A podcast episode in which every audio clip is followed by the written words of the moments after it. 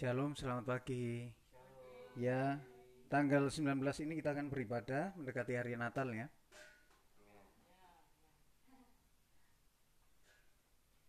Kita akan mengangkat sebuah pujian. Hanya dekat kasihmu Bapak. thank you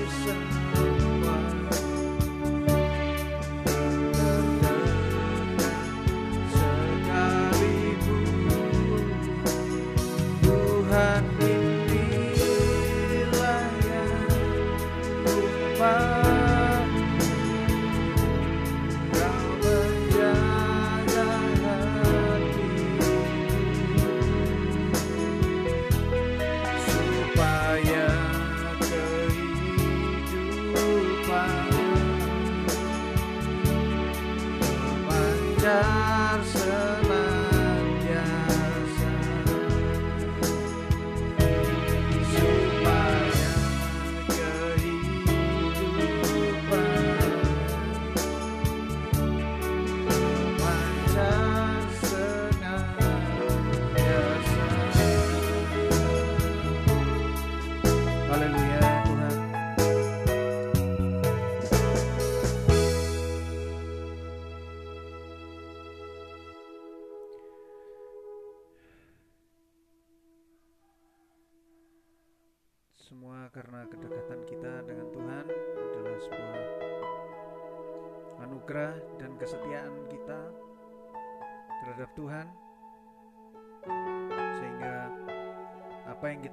Semuanya juga mengarah dan tertuju pada Tuhan mari kita mengangkat sebuah pujian bukan terbang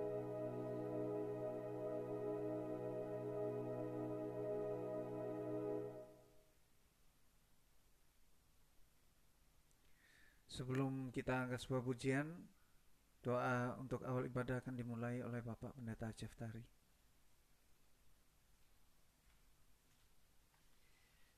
Ya mari jemaat Tuhan saudaraku yang terkasih Di hari ini Tuhan telah izinkan kita datang beribadah kepadanya Menyembah dia. Maka marilah kita masuk dalam doa untuk memulai ibadah kita ini. Bapa kami di surga terpujilah namamu Namamu yang kudus dan masyur, kami umat tebusanmu datang di pagi hari ini dengan penuh sukacita dan penuh kerinduan, mengampiri hadiratmu, memuji namamu, memanggil namamu, menaikkan doa-doa sifat kami lagi, bahkan mendengarkan firmanmu, biarlah roh kudusmu sendiri bekerja dan memberkati kami, hambamu bahkan umatmu yang hadir saat ini, bahkan yang mendengarkan berita firmanmu di mana mereka berada melalui podcast maupun Youtube, ya Tuhan memberkati mereka, dan biarlah biarlah hari-hari ini, hari-hari kami ke depan, kami merasakan kuasa pembaruan hidup, kuasa berkat Tuhan yang ajaib, menyertai hari-hari hidup kami secara pribadi, keluarga, maupun di dalam pekerjaan. Di situ kami selalu menanti-nantikan kuasa kasih Tuhan di dalam memberkati hidup kami. Maka ibadah kami ini sangat berguna bagi hidup kami di dalam di dunia ini maupun di masa akan datang dalam kekekalan maka turunlah anugerah dari surga berkat dari kasih Bapa. Dalam Kristus Yesus menyertai kami memberkati ibadah ini. Dalam kuasa Roh Kudus terjadilah kemuliaan Allah di tengah kami. Kami memulai ibadah ini dalam nama Tuhan Yesus Kristus. Haleluya. Amin.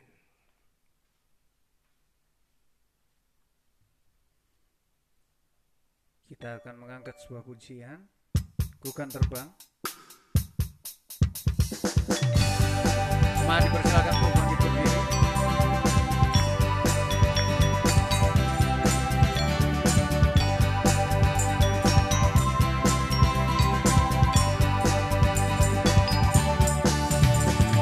Firman Tuhan berita bagi kakiku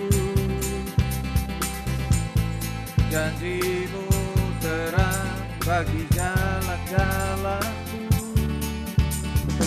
kebenaranmu menuntut setiap hari. Ku menantikan beri kekuatan baru. Bukan terbang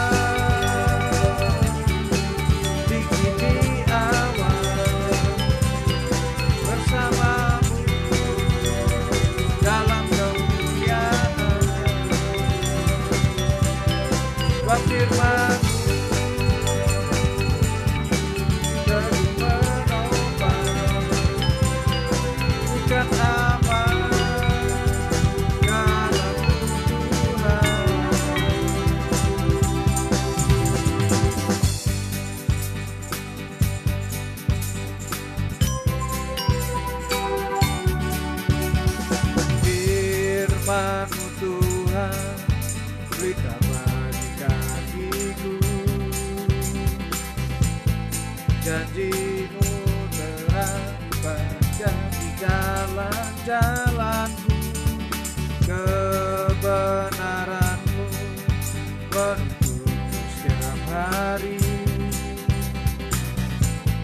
Ku menantikanmu beri kekuatan baru jika terbang tinggi awan bersamamu dalam kemuliaan. Safir mata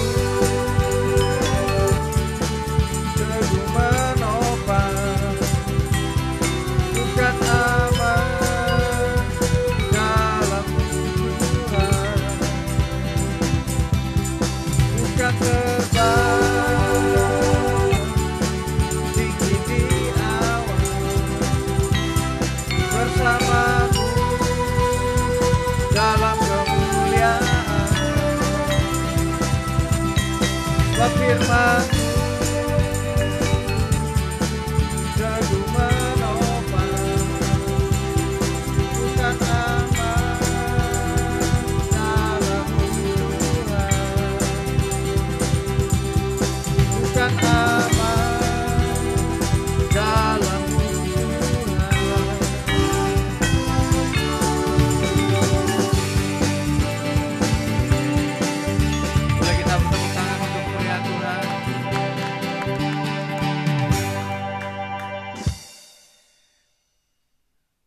karena cinta kasihnya kita bisa hadir di tempat ini. Kita akan mengangkat sebuah pujian dengan Tuhan.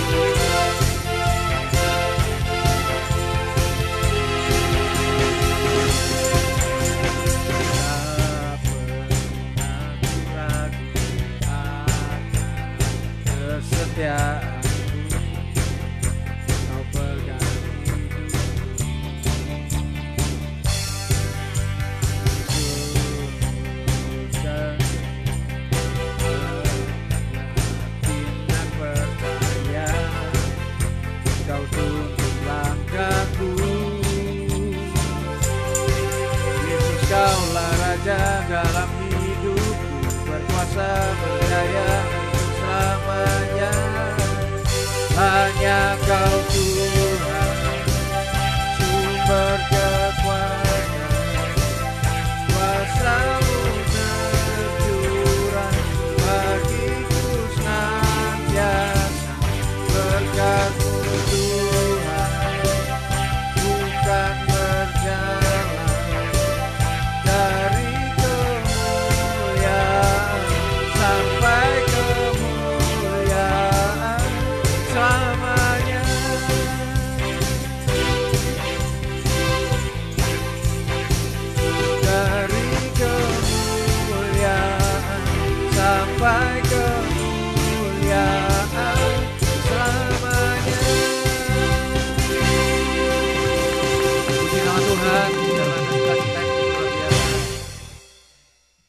Bagi saudara yang ingin memberikan kesaksian, dipersilakan untuk maju.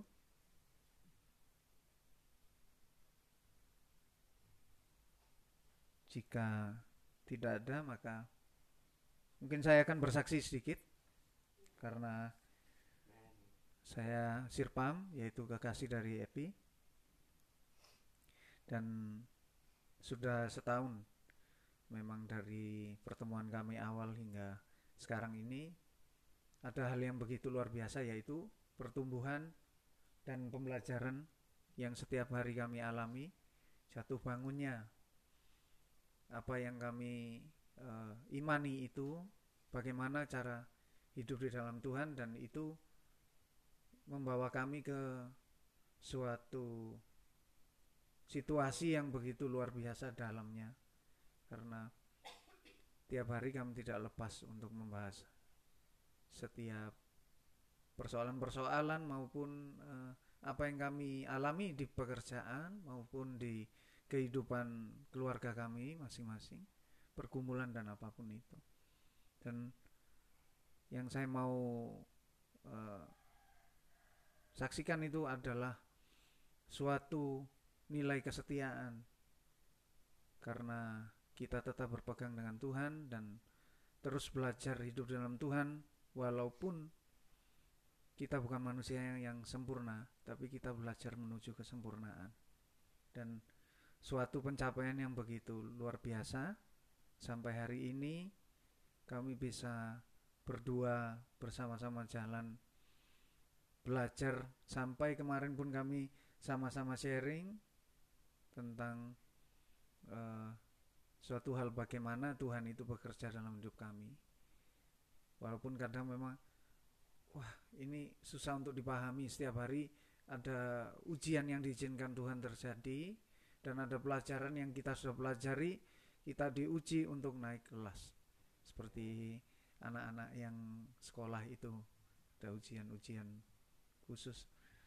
Dan itu tidak pernah kami berdua merasakan berat karena e, kita hidup di dalam Tuhan. Jadi dengan satu kata kami setia dan kami bisa saling mengasihi serta di situ Tuhan mulai bekerja bukan dengan pikiran kami sendiri tapi itu semua kehendak Tuhan yang berjalan. Itu yang saya saksikan mudah-mudahan ini bisa membangun bagi jemaat yang mendengarkan dan siapa pun yang mungkin melalui podcast ini uh, mengalami apa pun di dalam hal apa pun itu semuanya bukan karena Tuhan tidak sayang, tapi karena Tuhan mungkin sedang melihat kesetiaan kita sampai di mana. Itu. Ya.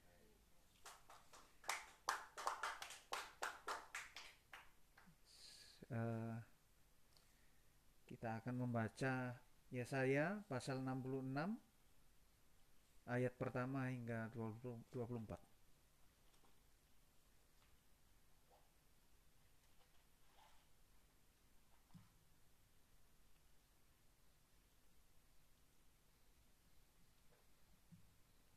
Mari kita baca bersama. Keselamatan sesudah hukuman. Beginilah firman Tuhan. Langit adalah tahtaku dan bumi adalah tumpuan kakiku. Rumah apakah yang akan kamu dirikan bagiku? Dan tempat apakah yang akan menjadi perhentianku? Bukankah tanganku yang membuat semuanya ini, sehingga semuanya ini terjadi? Demikianlah firman Tuhan. Tetapi kepada orang inilah aku memandang, kepada orang yang tertindas dan patah semangatnya, dan yang gentar pada firmanku.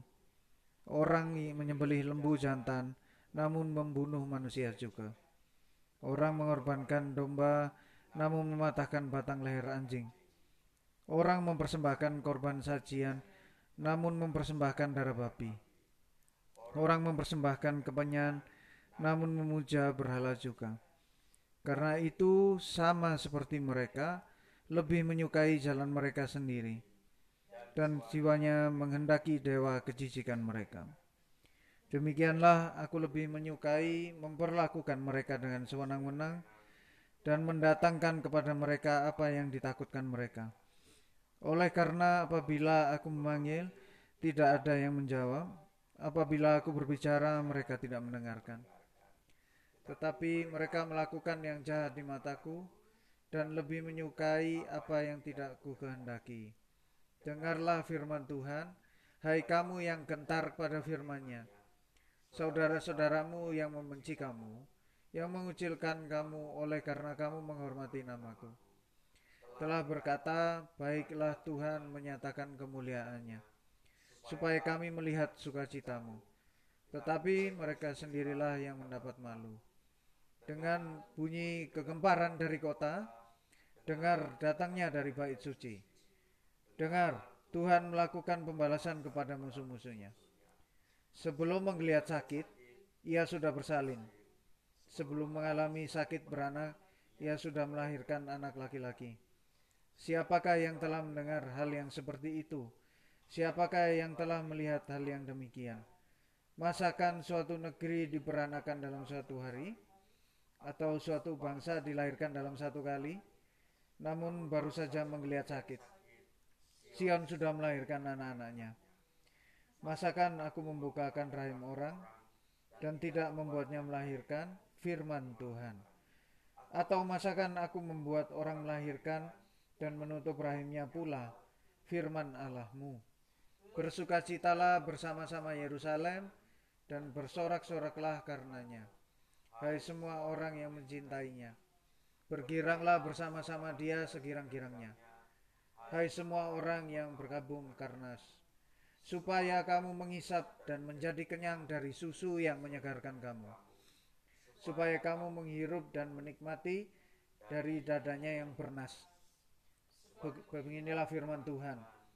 Sesungguhnya aku mengalirkan kepadanya keselamatan seperti sungai dan kekayaan bangsa-bangsa seperti batang air yang membanjir. Kamu akan menyusu, akan digendong, akan dibelai-belai di pangkuan. Seperti seseorang yang dihibur ibunya. Demikianlah aku ini akan menghibur kamu. Kamu akan dihibur di Yerusalem. Apakah kamu melihatnya? Hatimu akan girang dan kamu akan seperti rumput muda yang tumbuh dengan lebat. Maka tangan Tuhan akan nyata kepada hamba-hambanya dan amarahnya kepada musuh-musuhnya. Sebab sesungguhnya Tuhan akan datang dengan api dan kereta-keretanya akan seperti puting beliung untuk melampiaskan murkanya dengan kepanasan dan hardiknya dengan nyala api. Sebab Tuhan akan menghukum segala yang hidup dengan api dan pedangnya. Dan orang-orang yang mati terbunuh oleh Tuhan akan banyak jumlahnya.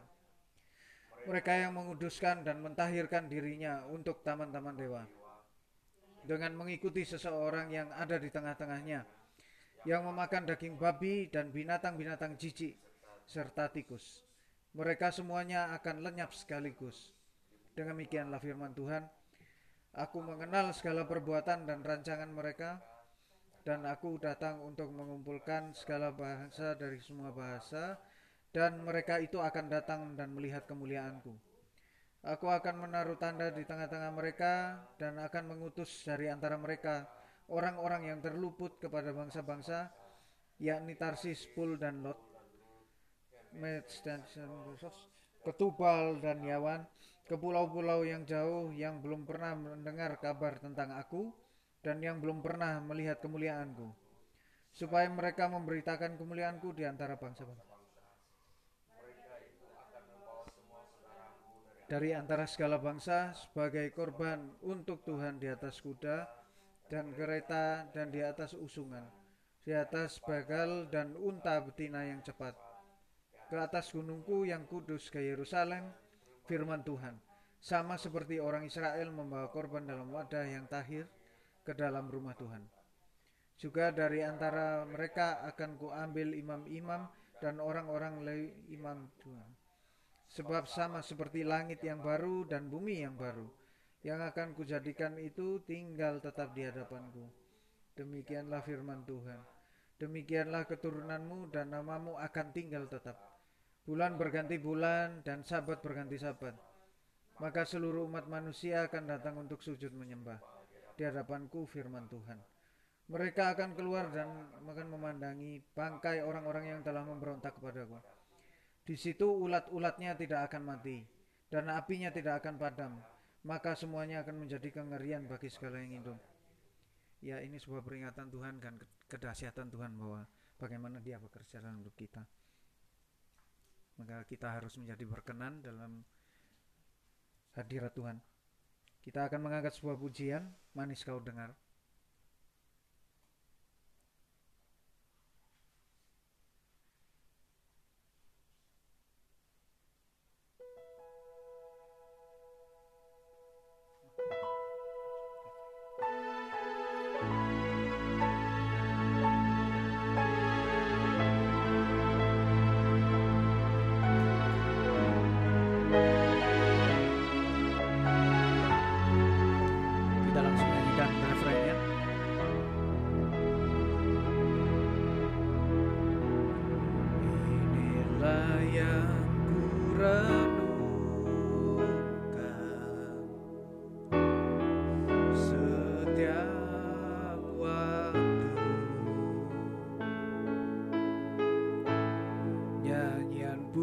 Pujian dan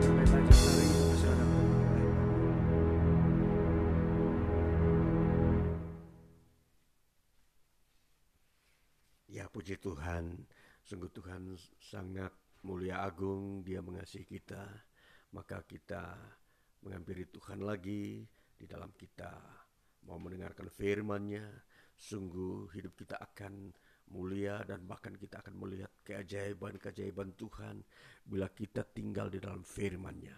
Mari kita masuk di dalam doa.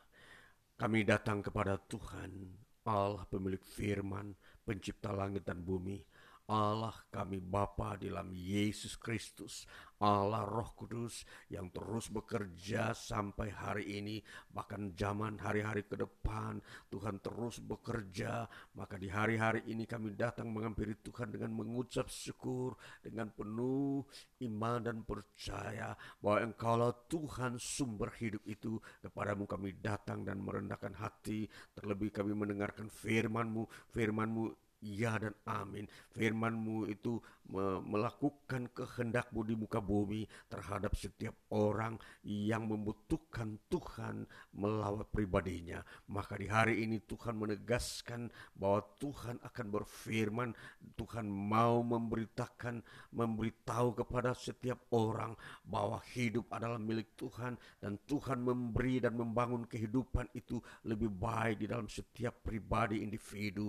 Maka hari ini Tuhan kami datang kepadamu, kami mau mendengarkan firman-Mu, Roh Kudus akan memberkati kami setiap kami yang mau mendengarkan firman-Mu. Bukalah firman-Mu bagi kami dan berkati tuntun jalan-jalan hidup kami. Dalam nama Tuhan Yesus kami berdoa dan bersyukur Bapa. Haleluya. Amin.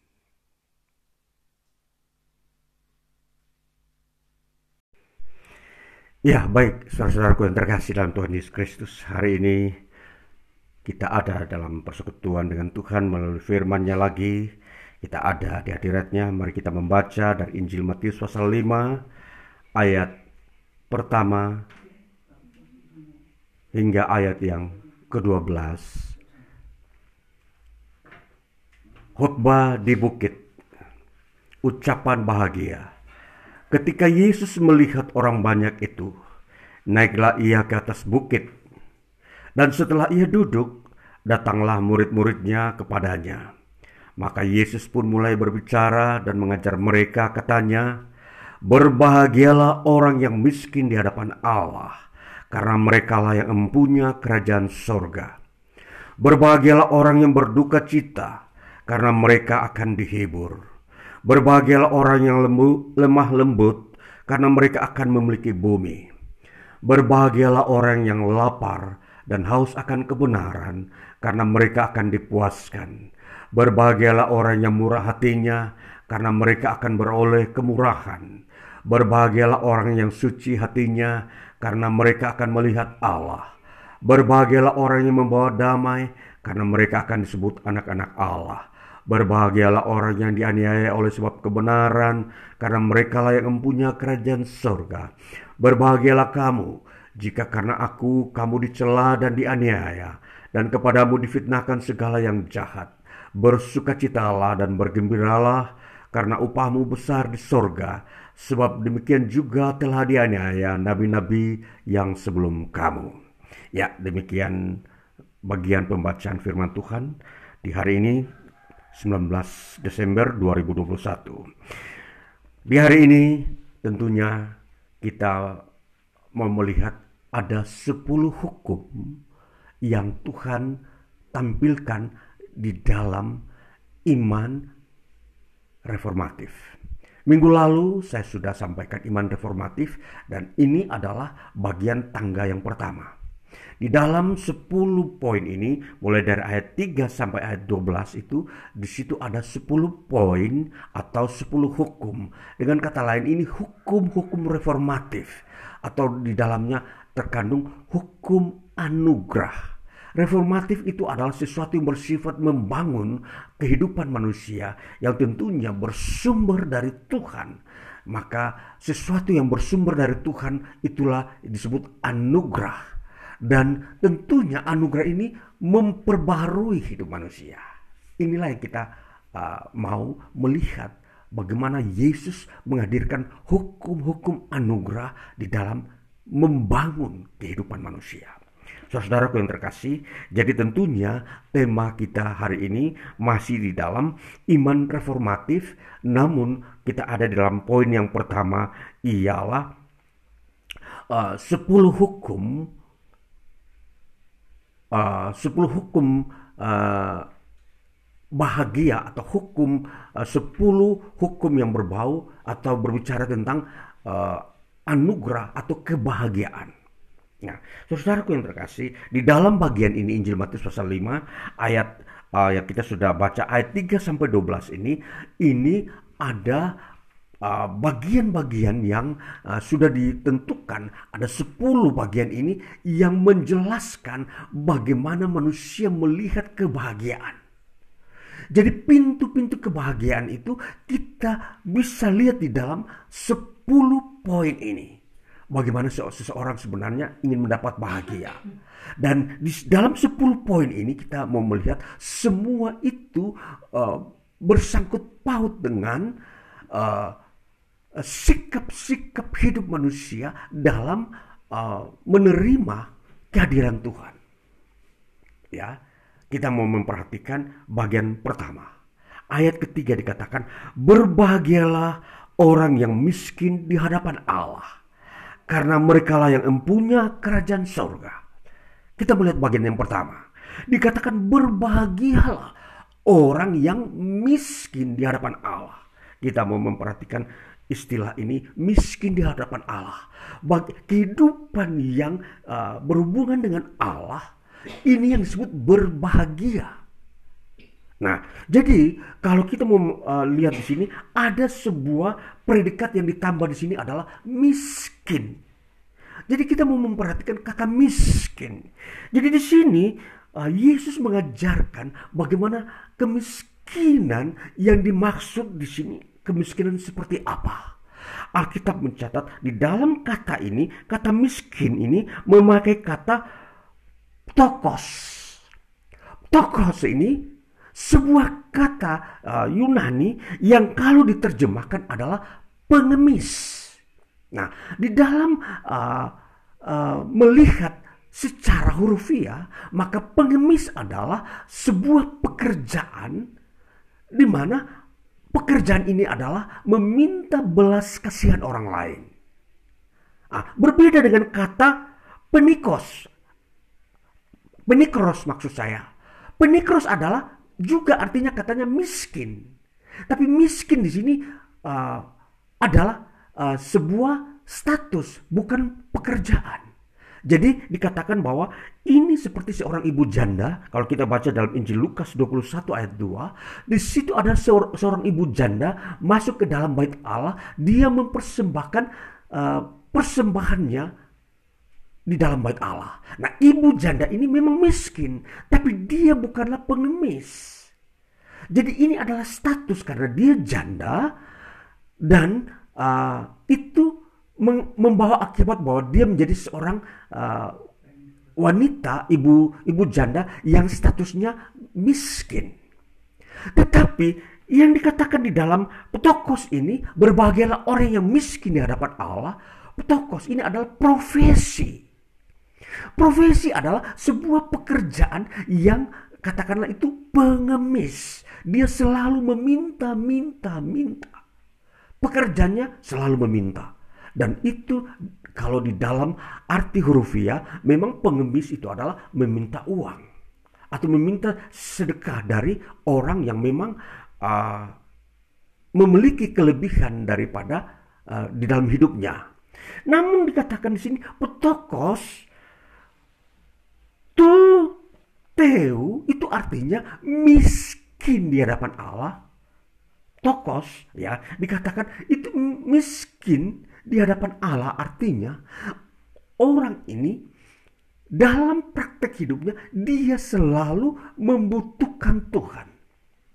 Nah ini saudara-saudara, ini makanya Tuhan Yesus bilang orang yang selalu membutuhkan Tuhanlah orang yang bersikap pengemis seperti selalu meminta dari Tuhan. Dialah yang mempunyai kerajaan Allah. Ini yang uh, menjadi uh, sebuah profesi kita sebagai seorang yang memiliki iman reformatif. Iman reformatif adalah iman yang selalu bersandar kepada Tuhan. Iman yang selalu menghadirkan Tuhan dalam kehidupannya. Nah ini saudara-saudaraku yang terkasih, kita mau melihat apa yang Tuhan Yesus ajarkan tentang miskin di hadapan Allah ini. Kalau kita mau melihat dari seluruh uh, pengajaran Tuhan Yesus, maka miskin di hadapan Allah ini itu diarahkan kepada orang percaya. Nah, orang percaya uh, sebuah status yang kita lihat bahwa Yesus berkata di dalam Injil Yohanes pasal 6 ayat yang ke-40 dikatakan begini. Sebab inilah kehendak Bapakku, yaitu supaya setiap orang yang melihat anak dan yang percaya kepadanya beroleh hidup yang kekal dan supaya aku membangkitkannya pada akhir zaman. Jadi orang yang percaya kepadaku kata Yesus, orang itulah yang memperoleh hidup yang kekal atau yang dikatakan uh, memiliki kerajaan surga. Maka di sini kita dapat mengerti apa yang Yesus ajarkan tentang orang yang miskin di hadapan Allah ialah orang yang percaya kepadanya. Nah, orang yang percaya kepada Yesus itu artinya sepanjang hidupnya, selama hidupnya di dunia, dia percaya. Inilah yang disebut orang yang miskin di hadapan Allah. Jadi orang yang miskin di hadapan Allah artinya orang yang bergantung selama hidupnya di dunia ini. Dia bergantung kepada Allah. Dia tidak bisa melepaskan Allah. Kalau dia melepaskan Allah, dia akan mati. Nah, itulah arti miskin di hadapan Allah. Jadi kalau kita mau memperhatikan bahwa bagaimana keselamatan orang masuk dalam kerjaan surga itu adalah orang yang tidak terlalu, tidak bisa melepaskan dirinya dari Allah. Orang yang selalu percaya bergantung di dalam Yesus Kristus. Ini yang dimaksudkan miskin di hadapan Allah. Inilah hukum yang pertama daripada apa yang Yesus ajarkan bagaimana tentang bahagia. Nah, jadi ini saudara-saudara, ini kita mau memperhatikan bahwa kebahagiaan yang dimaksudkan di sini adalah kebahagiaan yang sejati yang tidak pernah bisa hilang sekalipun di dunia ini ada uh, banyak atau kejadian-kejadian yang menyedihkan. Tetapi kebahagiaan ini tidak bisa hilang.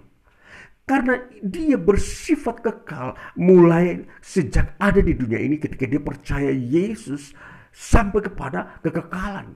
Setelah masa kematian dan kebangkitan, kebahagiaan ini selalu mengikuti dia.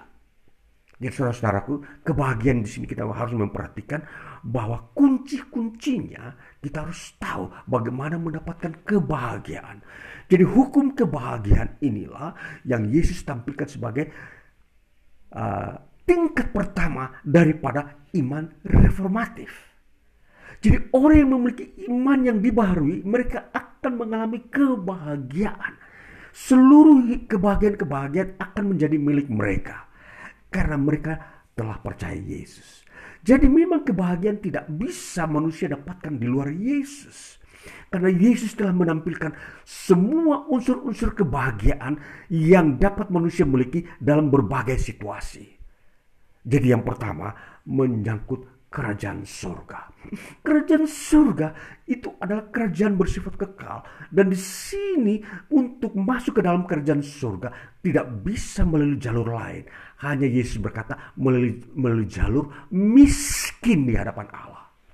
Jadi ini saudara-saudaraku kita harus memperhatikan.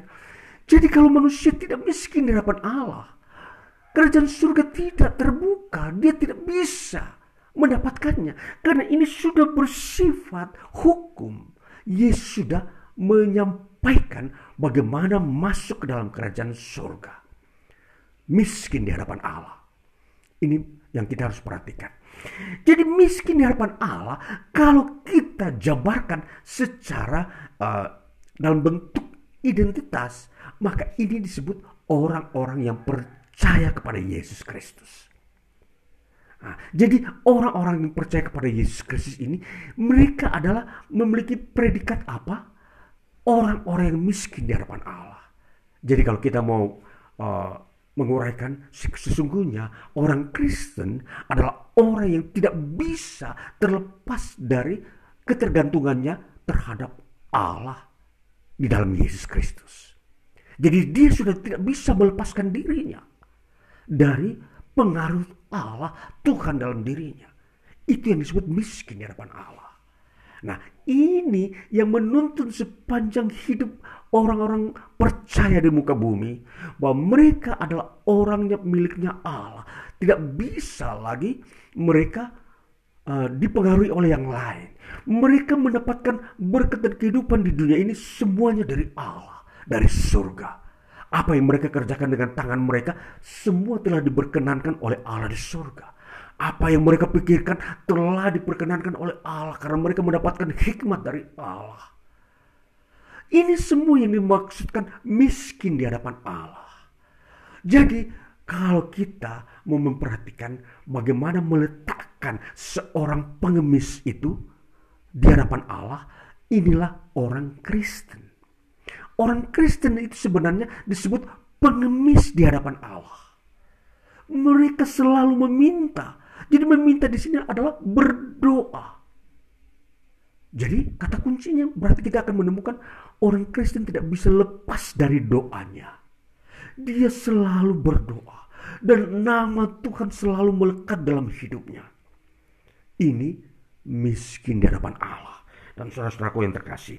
Kalau kita mau melihat contoh bagaimana kehidupan orang percaya yang diwakilkan oleh Rasul Paulus di dalam Filipi pasal pertama ayat 3 sampai 11 bagaimana sikap Rasul Paulus sebagai orang percaya yang disebut petokos yang disebut dia miskin di hadapan Allah di dalam kitab Filipi pasal yang pertama ayatnya yang ketiga sampai 11 bunyinya begini Bagaimana Rasul Paulus berkata begini.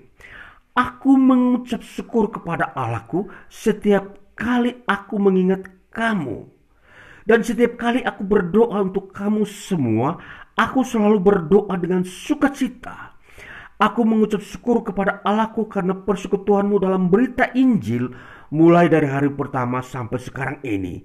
Akan hal ini aku yakin sepenuhnya, yaitu ia yang memulai pekerjaan yang baik di antara kamu akan meneruskannya sampai pada akhirnya pada hari Kristus Yesus. Memang sudah sepatutnya aku berpikir demikian akan kamu semua sebab kamu ada di dalam hatiku oleh karena kamu semua turut mendapat bagian dalam kasih karunia yang diberikan kepadaku, baik pada waktu aku dipenjarakan maupun pada waktu aku membela dan meneguhkan berita Injil. Sebab Allah adalah saksiku betapa aku dengan kasih mesra Kristus Yesus merindukan kamu sekalian. Dan inilah doaku semoga kasihmu makin melimpah dalam pengetahuan yang benar dan dalam segala macam pengertian sehingga kamu dapat memilih apa yang baik, supaya kamu suci dan tak bercacat menjelang hari Kristus, penuh dengan buah kebenaran yang dikerjakan oleh Yesus Kristus untuk memuliakan dan memuji Allah. Ini adalah corak atau sikap tokos orang yang miskin di hadapan Allah. Sikapnya ialah selalu mengucap syukur. Yang pertama, dan yang kedua dia selalu berdoa.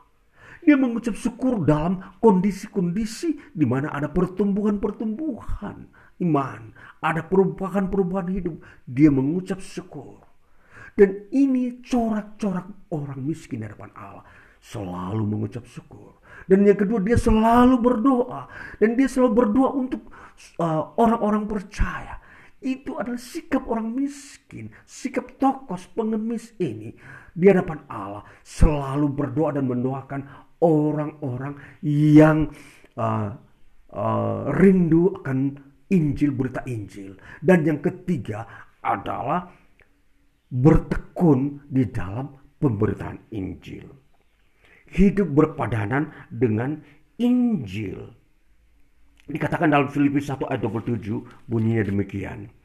Hanya hendaklah hidupmu berpadanan dengan Injil Kristus supaya apabila aku datang aku melihat dan apabila aku tidak datang aku mendengar bahwa kamu teguh berdiri dalam satu roh dan sehati sejiwa berjuang untuk iman yang timbul dari berita Injil.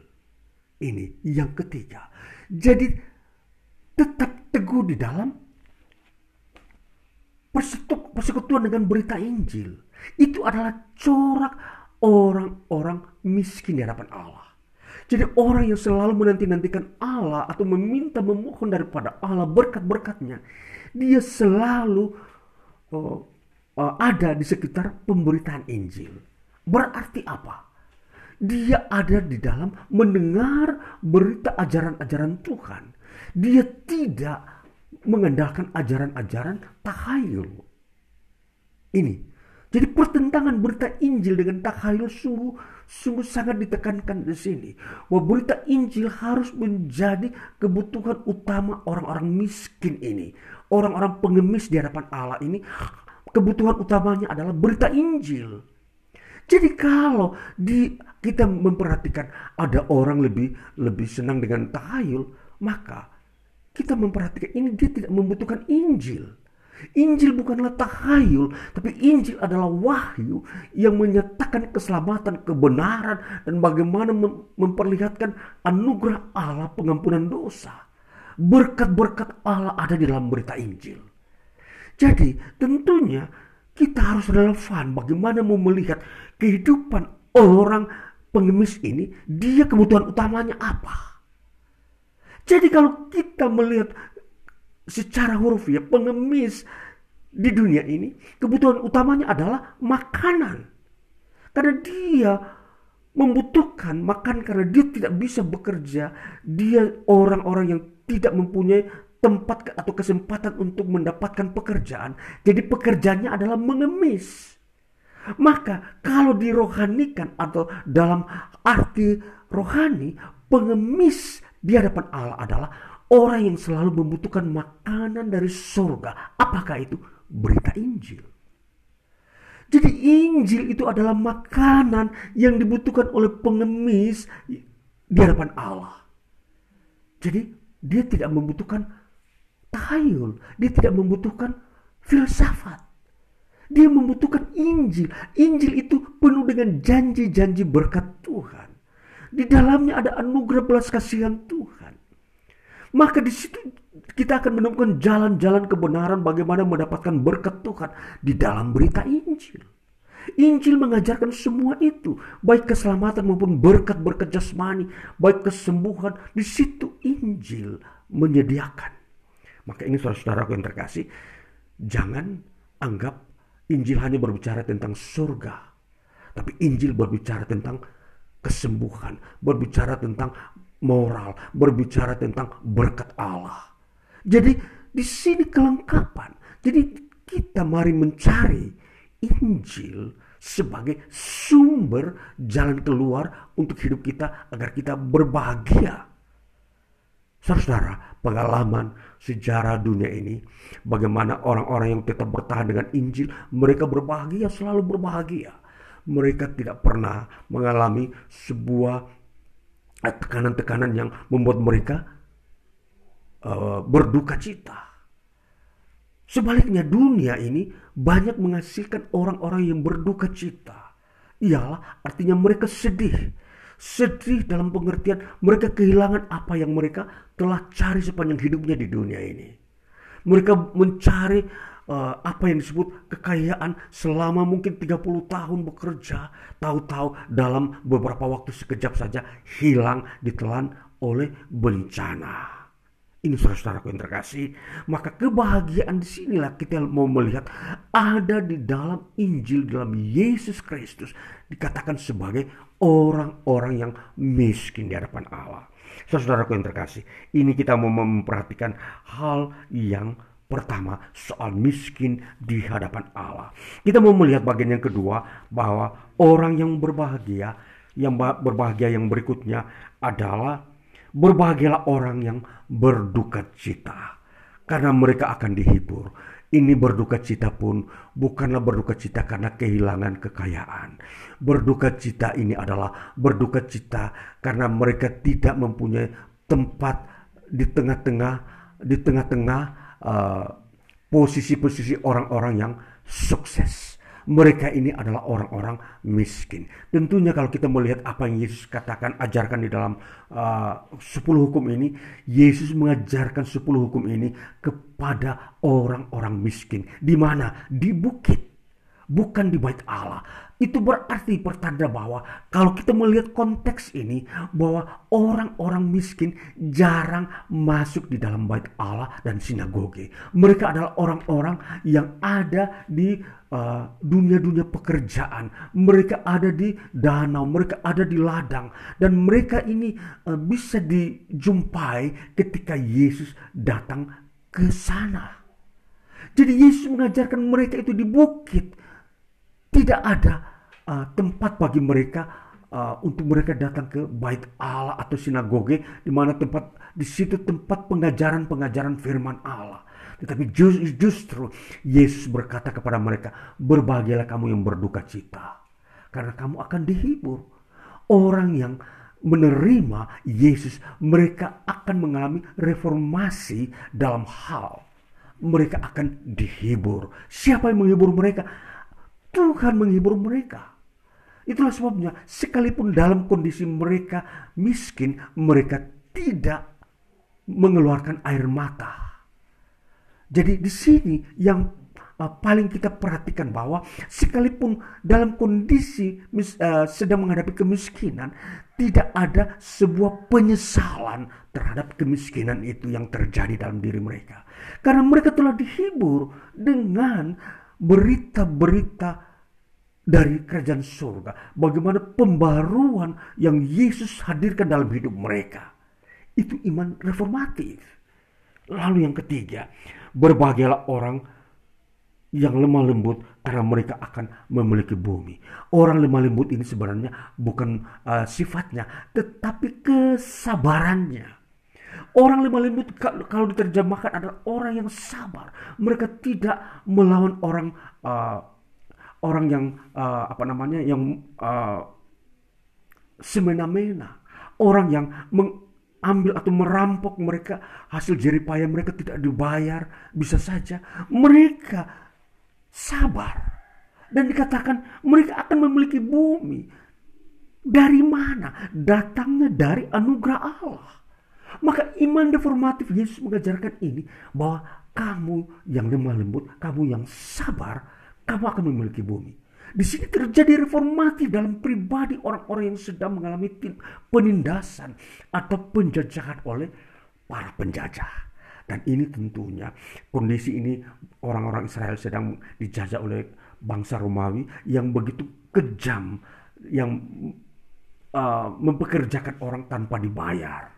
Itulah kondisi. Maka Yesus berkata kalau kamu sabar, kamu menerima Tuhan dalam dirimu, kamu justru akan memiliki bumi.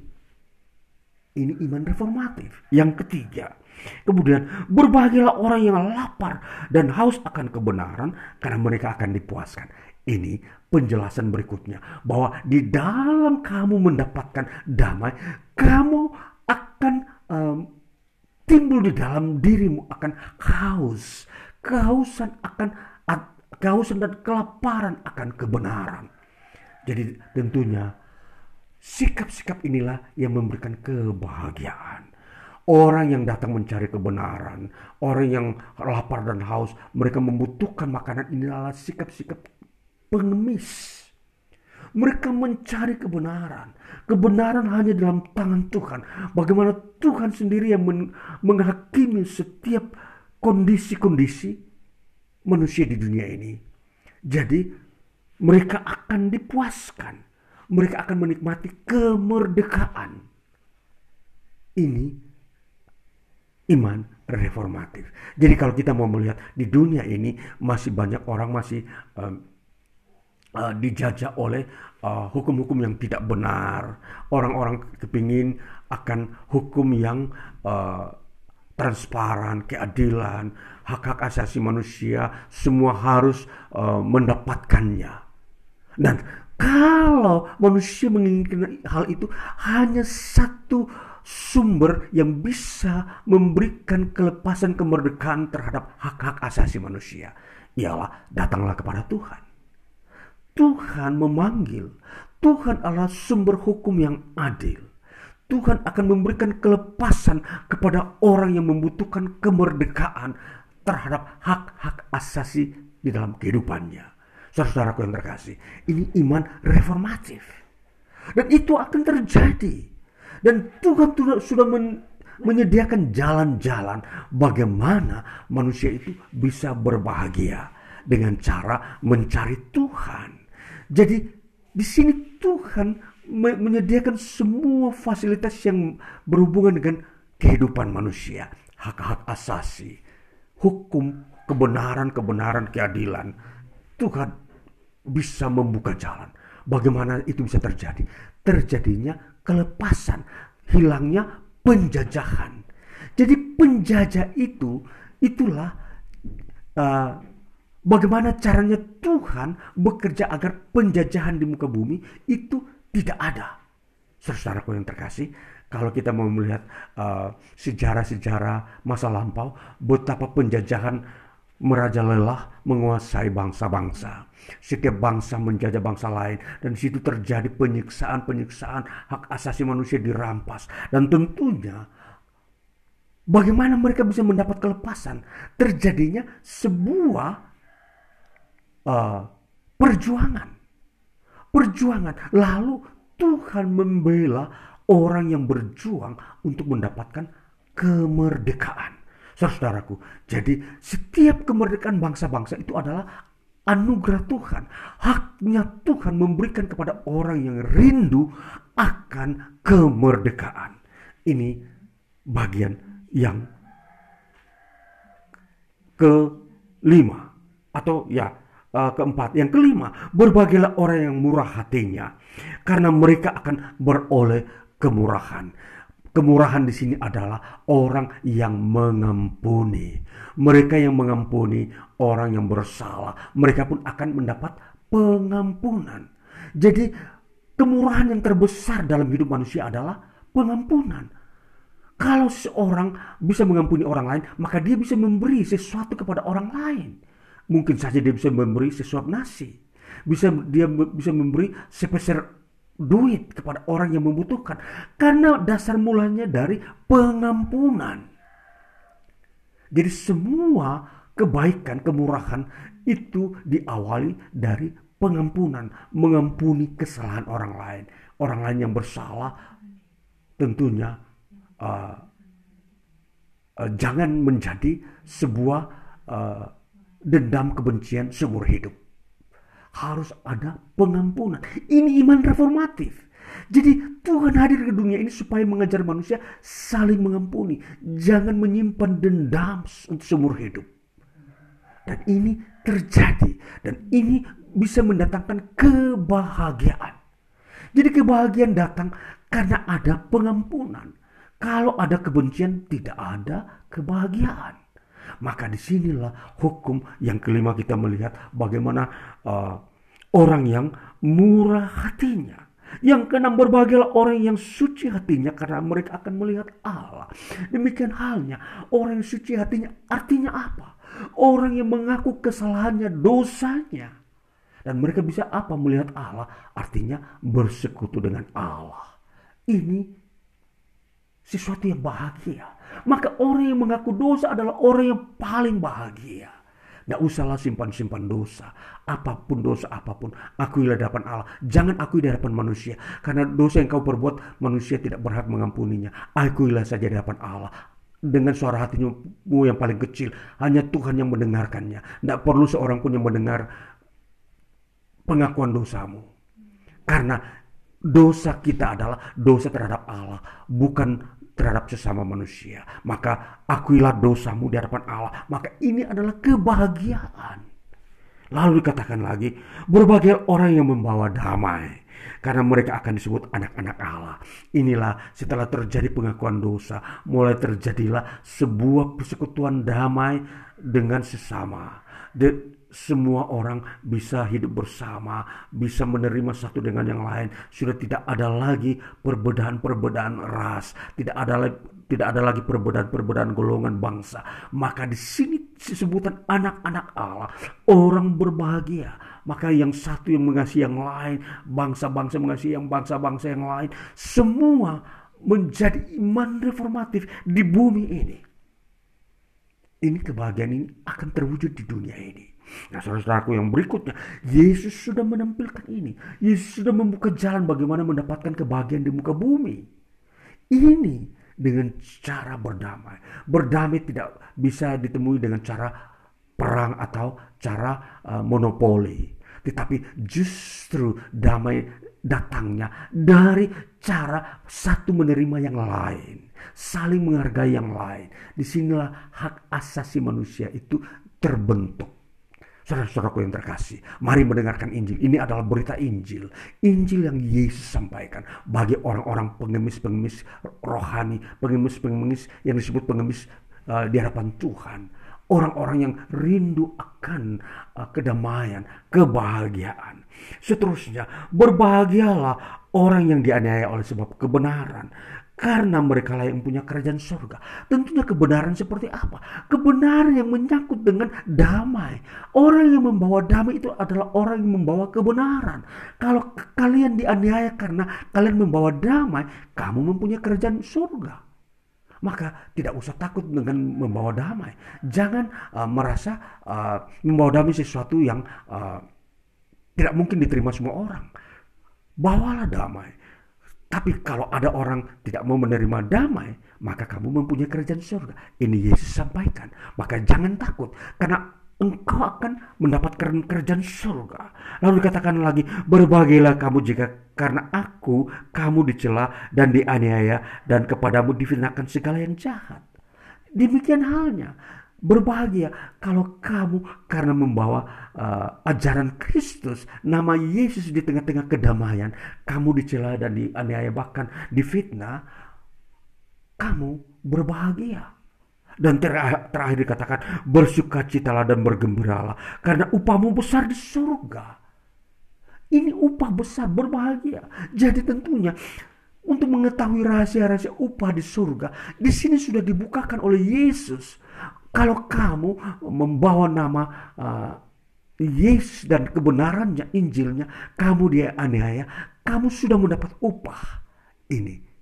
Jadi Iman reformatif berbicara tentang kekayaan-kekayaan yang Tuhan sediakan bagi setiap orang yang percaya kepada Yesus Kristus. Saudara-saudaraku yang terkasih, ini kita telah berada di bagian yang pertama dari uh, iman reformatif yaitu tentang 10 hukum uh, bahagia. Dan biarlah kita mau melihat bahwa hidup kita di dunia ini sudah disediakan oleh Tuhan Yesus tentang bagaimana mendapatkan kebahagiaan baiklah kita mengambil langkah-langkah kita mau datang kepada Tuhan karena dikatakan hanya orang yang miskin di hadapan Allah sikap hidupnya yang selalu bergantung kepada Allah datang kepada Yesus Kristus mereka lah yang mempunyai kerajaan surga dan kebahagiaan. Tuhan Yesus memberkati kita dan biarlah kita memasuki hari-hari ini memasuki uh, hari-hari uh, perayaan Natal bahkan menjelang tahun baru kebahagiaan menjadi bagian lembaran hidup kita. Tuhan Yesus memberkati kita. Haleluya. Amin. Mari kita masuk dalam doa syafaat kita mari kita berdoa. Kami bersyukur Tuhan untuk firman-Mu. Karena firman-Mu benar, firman-Mu yang membuka jalan, firman-Mu saja yang uh, mengatasi segala hal-hal yang uh, manusia butuhkan di dunia ini.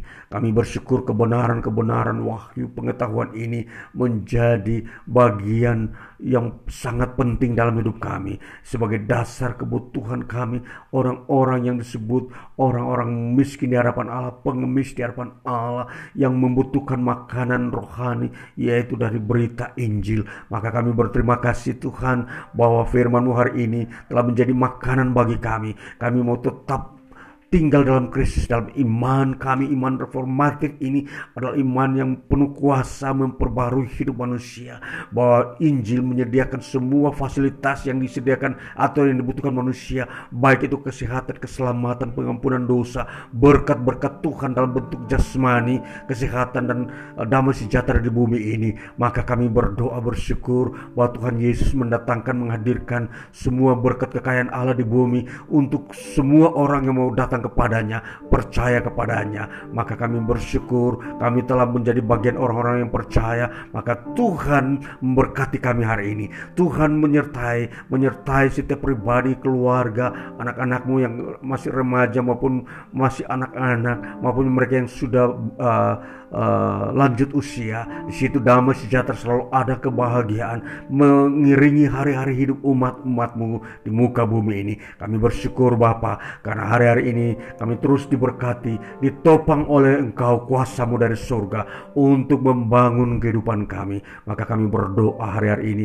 untuk setiap orang percaya, kami dapat bersyukur ada pertumbuhan iman. Kami dapat berdoa untuk mereka supaya mereka dapat memasuki hari-hari ini ke depan dengan penuh berkat anugerah Tuhan mereka dapat melewati setiap waktu periode hidup ini dengan tidak kekurangan satu apa pun. Mereka diberkati di tempat pekerjaan baik mereka itu di kantor di perusahaan wira swasta. Mereka uh, instansi-instansi pemerintah sekalipun mereka yang ada uh, baik uh, petani maupun nelayan. Mereka semua yang bekerja mencari kehidupan Tuhan menyediakan berkat-berkatmu. Kami percaya kami bersyukur. Maka Tuhan mengampuni dosa-dosa kami kesalahan-kesalahan kami yang Tuhan uh, nyatakan dalam hidup kami. Kami bersyukur Bapa karena Tuhan juga uh, menjawab doa-doa kami di mana setiap pergumulan-pergumulan di dalam rumah tangga pekerjaan dan maupun pelayanan pemberitaan Injil di situ selalu dinyatakan pembelaan-pembelaan olehmu ya Tuhan. Berkatilah hari-hari ini uh, umatmu yang uh, sedang menghadapi berbagai-bagai kondisi situasi baik alam maupun kondisi kesehatan Tuhan kami percaya umatmu dipelihara dalam kondisi yang prima. Tidak ada satupun kesehatan uh, mereka yang ha harus uh, terkorbankan sia-sia. Maka hidup ini sangat berharga di hadapan Tuhan. Maka kesehatan kami adalah anugerah Tuhan untuk memasuki uh, dunia baru, dunia yang uh, diisi dengan berbagai-bagai informasi. Tuhan kami berdoa supaya semua ini dapat berguna bagi membangun kehidupan kami. Informasi dapat berguna untuk membangun pribadi bahkan menyebarkan berita Injilmu. Tuhan memberkati juga lembaga uh, gerejawi, berkati pelayanan gerejamu di tengah bangsa kami Indonesia maupun di dunia ini karena kami tetap berdoa Tuhan ada di tengah-tengahnya dan selalu memberkati memakai untuk menjangkau banyak orang lagi supaya banyak yang diselamatkan semakin banyak orang masuk dalam kerajaan surga. Dan juga pemerintahan kami Tuhan berkati sehingga tetap menjalankan kondisi keamanan dan kebenaran keadilan. Semua orang bisa merasakan apa itu kebaikan-kebaikan yang Tuhan sediakan. Terima kasih Bapak Berkati setiap umatmu hari-hari ini keluarga mereka. Dan hamba berdoa dalam nama Yesus Kristus Turunlah anugerah Tuhan dari surga. Kasih daripada Bapa persekutuan dengan Yesus Kristus Dan penghiburan oleh roh kudus menyertai kami semua.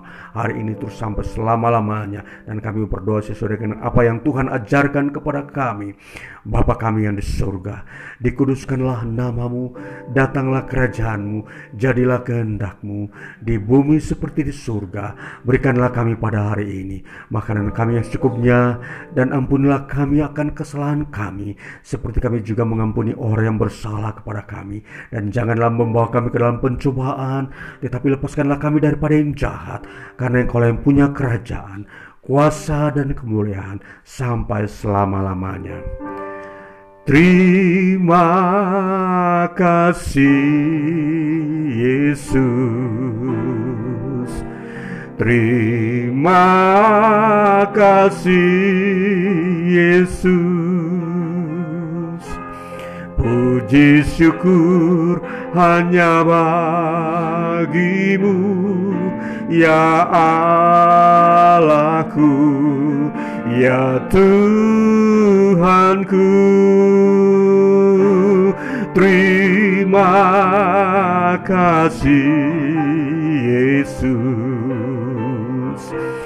Terima kasih Yesus Puji syukur hanya bagimu Terima